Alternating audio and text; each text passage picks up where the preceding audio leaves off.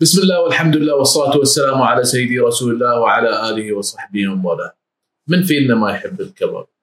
أغلب الناس يحبون هذا اللحم المشوي على أشكاله المختلفة اللي إحنا نسميه كباب. لكن ما لاحظت شيء أن أغلب الدول اللي الكباب فيها يعتبر وجبة وطنية أو أكلة رئيسية أو جزء مهم من مطبخها تقع كلها جنب بعض مع اختلاف في طريقة الكباب بدرجة أو بأخرى. إحنا اليوم موضوعنا مو عن الأكل ولا عن الكباب لكن عن الثقافة ومدخلنا إلى الثقافة هو الكباب. معكم الدكتور خالد الخنجي وهذه مساحتنا الأسبوعية اللي نتفحص فيها بعض جوانب حياتنا اليومية حتى نزداد علما وبصيره.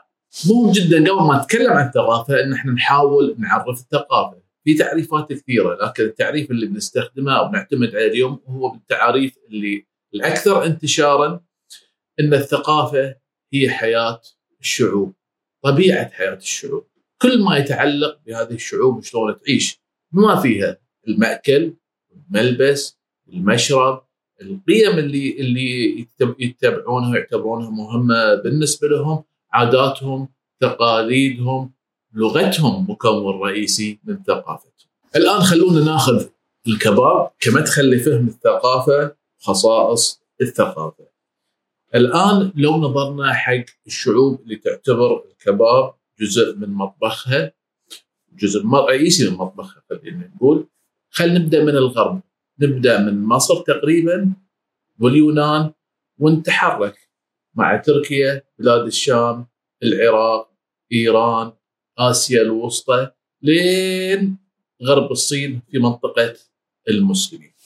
هذه الدول كلها بينها تلاصق جغرافي وطبيعة الكباب اللي يتسوى في هذه الدول لو مشينا نلاقي يتغير تدريجيا الكباب اللي يسوونه في الصين غير اللي يسوونه ترى في مصر. لكن كله في النهاية لحم مشوي.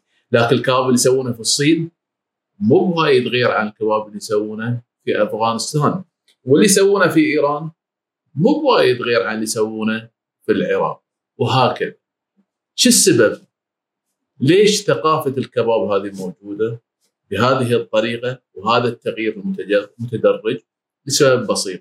إن الثقافة تنتقل مع حركة الناس. ولمئات السنين إن لم يكن أكثر كان الناس يمشون على طريق اسمه طريق الحرير. هذا كان طريق التجارة الرئيسي بين الشرق والغرب. مع انتقال الناس وتفاعلهم تنتقل ثقافاتهم، ينتقل أكلهم، تنتقل ملابسهم، تنتقل حتى لغتهم والألفاظ اللي يستخدمونها إلى آخره. ولو شفنا عندنا إحنا في منطقة الخليج مثلا قبل 70 و80 سنة على أيام الغوص وما قبل ذلك لقينا إن في عندنا كثير من الأشياء نتشارك فيها مع الهند. ليش؟ لأن كان لنا تجارة وتفاعل كبير مع الهند. خذوا عندكم مثلا لوزار أو خذوا عندكم حتى نرجع حق موضوع الأكل. أكلنا الشعبي الخليجي اللي على منطقة الساحل بالذات مشابه جدا ومتأثر وايد بالأكل الهندي والبهارات اللي يستخدمونها. الثقافة أيضا تتغير حسب المكان حسب الزمان. ملابسنا اليوم مشابهة لملابس أهلنا قبل خمسين سنة. اللي كانت مشابهة لأهلنا قبل 100 سنة لكنها غير متطابقة لأنها تأثرت بعوامل مختلفة خلال عصور مختلفة. أضرب لكم مثال مو بعيد. روحوا شوفوا الناس شلون كانت ثيابهم في السبعينات. تلاقون واحدة من الأشياء الواضحة إن الكلر عندهم هني كبير. تكلم عن ثيابنا الثياب العادية. قارنوها بالقمصان الغربية في ذاك الوقت والبدل والكرافتات. راح تقول إن كل شيء كان عريض وكبير في فترة السبعينات. والظاهر والله أعلم إن جماعتنا هني تأثروا فيهم بطريقة أخرى لكن حولوها بشيء مشابه أو مقارب للي يلبسونه عندنا في الخليج اللي هو الثوب. كذلك عبر التاريخ العباءة العربية موجودة لكن تغير شكلها عبر الزمان وعبر الأوقات المختلفة وتختلف أيضا من مكان لمكان. المصطلحات اللي الناس يستخدمونها الكلمات اليوم لو رحنا حق أبهاتنا لو رحنا على جدودنا ولو رحنا حتى حق عيالنا بنلاقي في مصطلحات هم يستخدمونها غير اللي إحنا نستخدمها. أو حتى نفس الكلمات لكن يستخدمونها بمصطلحات مختلفة. نفس الشيء نلاقي ان في كلمات ومصطلحات متشابهة حتى بين لغات مختلفة.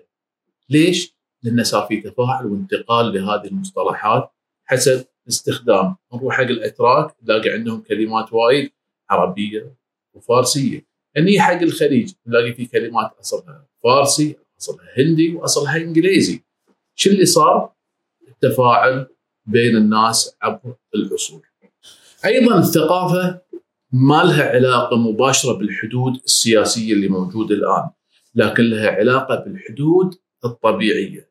ليش؟ لأن الأنهار والبحار والجبال كانت تخلي الناس يتحركون من منطقة لاخرى بطريقة معينة وتجبرهم انهم يتفاعلون مع منطقة غير عن المنطقة هذه. فمثلا تلاقون الناس اللي على الساحل الخليجي من من الشرق من فارس هم أقرب حق حق العرب بينما الناس اللي وراء الجبال هناك طبيعة مختلفة وثقافة مختلفة بشكل كبير لأنهم كانوا عبر العصور المختلفه التواصل بينهم سهل وما يتواصلون بكثرة. طبعا اليوم في عصرنا هذا ما شاء الله التواصل بين أطراف العالم صاير سهل والكل قاعد يتأثر بالكل. ودي هنا أوقف والخص بشيء سريع اللي قلته إن الثقافة تتغير حسب العصور، تتغير حسب الأماكن وتتغير حسب تفاعل الناس. فإذا الثقافة ليست شيء ثابت، بالعكس هو شيء حي لأن إحنا نعيشه، قيمنا ممكن تتغير، حكينا ممكن يتغير، ملابسنا ممكن تتغير، أكلنا ممكن يتغير ويتأثر إلى آخره. طيب الواحد ممكن يسأل شو العلاقة بين التراث والثقافة؟ هل هم نفس الشيء؟ أنا أقول لك لا. تذكروا قلت لكم الثقافة شيء حي. التراث إذا ما كان له علاقة حقيقية بالواقع لا ما يكون جزء من ثقافة الناس. ضرب لكم مثال الغوص كان جزء من ثقافة هذه المنطقة. اليوم هل إحنا نغوص عشان نبحث عن رزقنا في البحر؟ لا صار شيء من التراث. كذلك العديد من المهن اندثرت في أوقات معينة وطلعت كذلك العادات والتقاليد بعضها يستمر وبعضها يندثر وتبتعد الناس عنه. كل ما يتعلق بحياة الناس. التراث هو تقريبا صورة من الماضي ما لها علاقة بالحاضر. لكن الثقافة هي اللي الحالية هي اللي نعيشها اليوم في عصرنا. وبناء على ما سبق أختم وأقول ان ما يصير إن إحنا ناخذ صورة واقفة في الماضي ونقول هذه ثقافة هذا المكان ذاك أو ذاك الشعب أو هاي ثقافتنا أو هاي ثقافتكم تردون ليش؟ لأن الشيء اللي كان الثقافه اللي كان قبل 50 سنة، أسلوب الحياة اللي كان قبل 50 سنة بكل تفاصيله اللي ذكرتها سواء السطحية أو اللي في العمق مثل القيم والمعتقدات إلى آخره تتغير وتتأثر. فلا نفرض على أنفسنا قيود على أساس أن هذه من عاداتنا وتقاليدنا أو من تراثنا. لازم نفهم ثقافتنا اليوم ونفهم شو اللي لازم نتمسك فيه ونفهم الأشياء اللي ممكن نغير فيها. السلام عليكم ورحمة الله وبركاته.